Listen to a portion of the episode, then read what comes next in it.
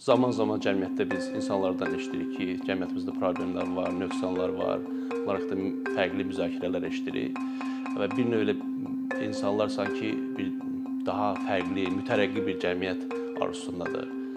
Belə olan halda onda sual meydana çıxır ki, necə cəmiyyət arzusundayıq? Ne, biz necə cəmiyyət istərdik?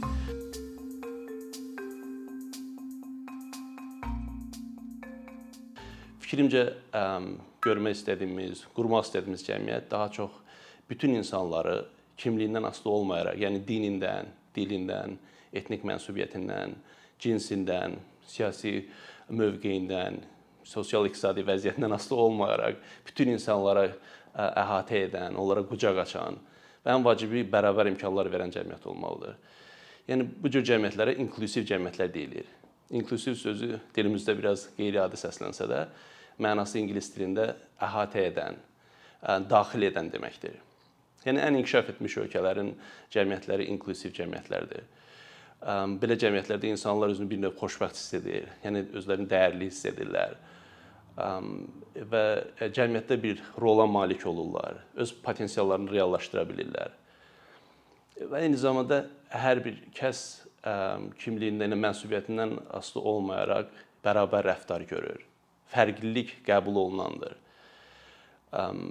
İnklüziv cəmiyyət həm də sosial inteqrasiyanın çox vacib elementidir. Yəni bir sıra araşdırmalar göstərir ki, inklüziv cəmiyyət həm ölkələrdə dayanıqlı inkişafın, həm stabilliyin, həm ədalətin, həm də ki, cəmiyyət üzvləri arasında olan harmoniyanı təmin edir.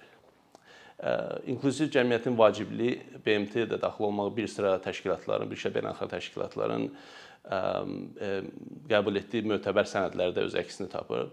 İnklüziv cəmiyyət anlayışını daha aydın başa düşmək üçün onu təşkil edən elementlərə baxa bilərik. Yəni inklusiv cəmiyyətin birinci şərt olaraq, fundamental dəyər olaraq, birinci şərt kimi inklusiv cəmiyyətdə insan hüquq və azadlıqlarına hörmət, qanunun aliliyinin təmin olunması nəzərdə tutulur.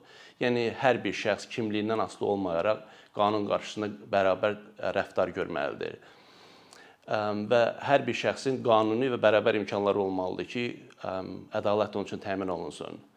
İnklüziv cəmiyyətin digər kritik elementi isə bütün cəmiyyət üzvlərinin cəmiyyətin ölkənin sosial, iqtisadi, siyasi və mədəni həyatında iştirak edə bilməsidir. Yəni hər bir şəxs öz ən bəsit ehtiyaclarını yerinə yetirə bilməli və cəmiyyətdə bir rola malik olmalıdır. Ən vacibi isə qərarların verilməsində iştirak edə bilməlidir. İnklüziv cəmiyyətin daha bir elementi insanların ictimai infrastrukturdan, ictimai obyektlərdən bərabər imkan istifadə etmək imkanları olmalıdır. Yəni belə olan təqdirdə insanlar e, cəmiyyətdə artıq mövcud olan qeyri-bərabər sosial-iqtisadi vəziyyət e, yüngülləşir və insanlar xidmətlərdən kənarda qalmır, özünü xidmətlərdən kənarda qalmış hiss etmir. E, eyni zamanda həm də ictimai məlumatlara çıxış çox vacibdir. Yəni bütün insanların ictimai məlumatlara əlçatımlılığı onların proseslərdə iştirak etməsinə, cəmiyyətdə bir növ e, daha aktiv, daha e, kütləvi şəkildə iştirakını təmin edir. E, əlbəttə ki, bu məsələdə kütləvi informasiya vasitələrinin rolu çox vacibdir.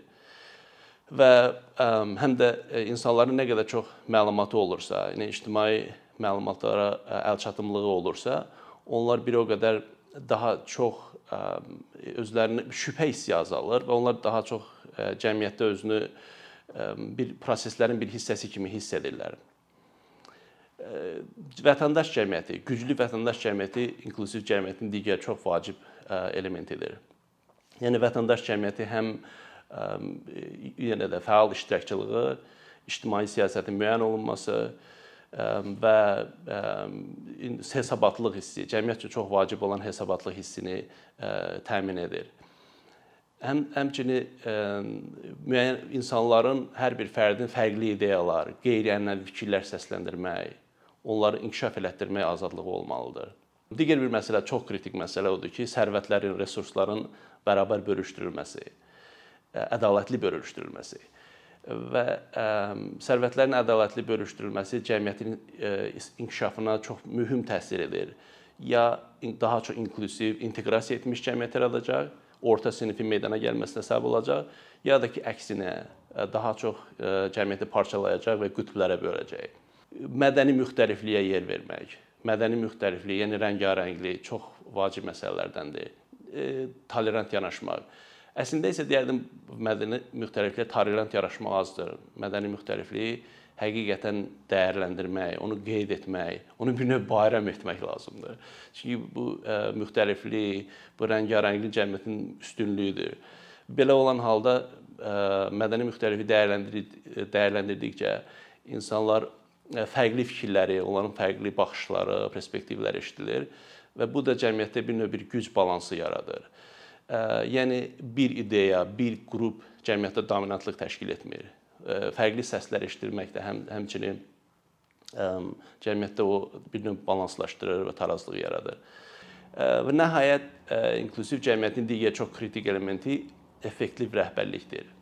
Yəni effektiv rəhbərlik o mənada ki, rəhbərlər insanları təmsil etməlidir, cəmiyyəti təmsil etməlidir.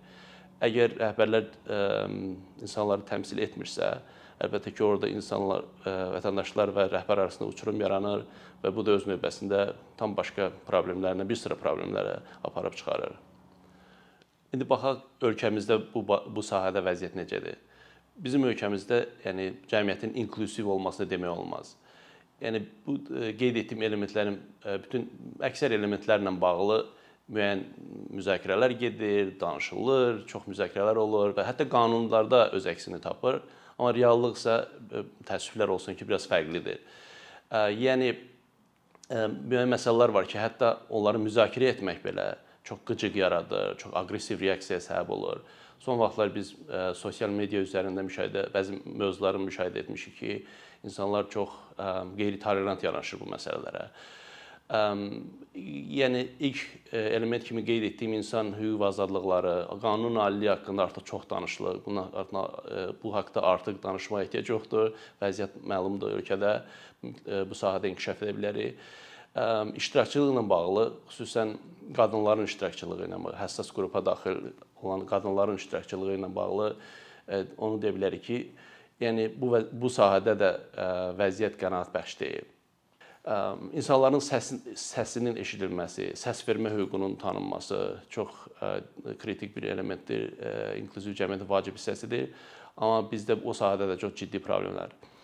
İnsanlar inanmır ki, onların səsi bir fərq yaradır, onların səsi sayılır. Yəni artıq qeyd etdiyim kimi bir neçə əvvəl baş tutan parlament seçkilərində ATƏT-in nümayəndə uzun müddətli müşahidə missiyası ilə birlikdə bu prosesi daha yaxından izləmə imkanım oldu və görüşdüyümüz əksər namizədlər öz seçicilərindən aldıqları mesaj oldu ki, bizim səsimizin əhəmiyyəti yoxdur. Biz kimə səs veririksə verək, onsuz da yuxarıdan kimi istəsələr onu təyin edəcəklər. Bir mənalı olaraq o mesaj verildi ki, yəni onun mənası yoxdur, onların səsi heç bir fərq törətmir cəmiyyətdə. İnklusiv cəmiyyətin vacib elementləri kimdən biri olan bütün ictimai infrastrukturdan, obyektlərdən istifadədə xüsusi vurğu vurulmalı olan məsələlərdən biri əlilliyi olan, həm fiziki əlilliyi, mental əlilliyi olan insanlara xüsusi üstünlük verilməlidir. Yəni bu sahədə də bizdə vəziyyət ürəkaçan deyil, yaxşı deyil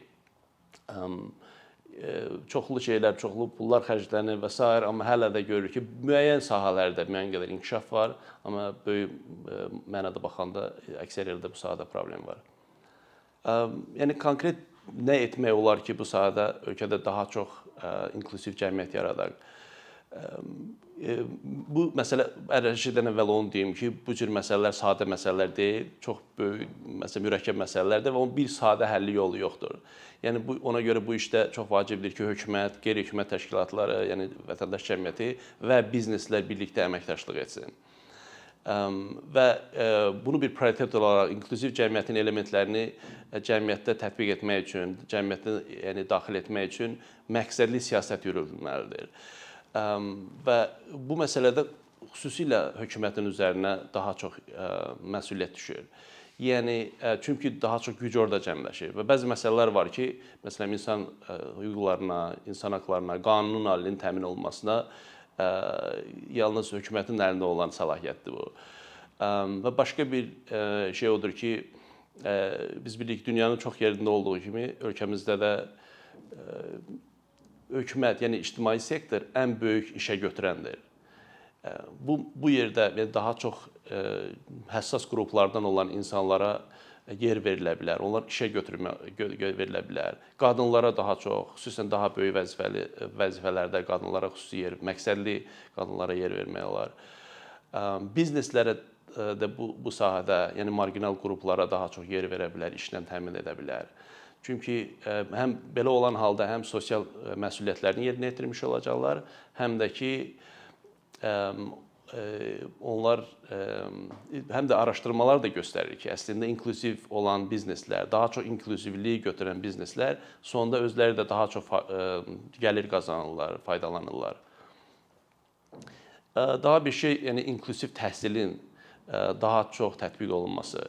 İnklüziv təhsil dedikdə onu nəzərdə tuturuq ki, yəni ənənəvi sinif otağından fərqli olaraq eyni sinifdə həm müxtəlif bacarıqlı insanlar, fiziki bəlkə əlilliyi olan, mental zəifliyi olan insanlarla birlikdə yəni birlikdə sinif otağı təşkil etmək, onların bu cür inkişaf etməsi həqiqətən də cəmiyyətin inklüzivliyi üçün, gələcək yaranan inklüziv cəmiyyət üçün çox vacib təməl şərtdir.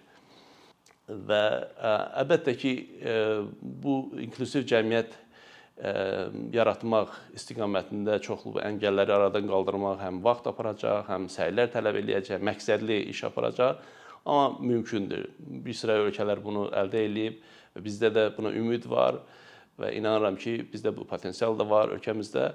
Və ümumiyyətlə baxanda bütün həm inklusiv institutlar, həm inklusiv cəmiyyət, siyasi, iqtisadi inklusiv institutlar bütün inkişaf etmiş sivil ölkələrin onurğa sütununu, bünövrəsini təşkil edir.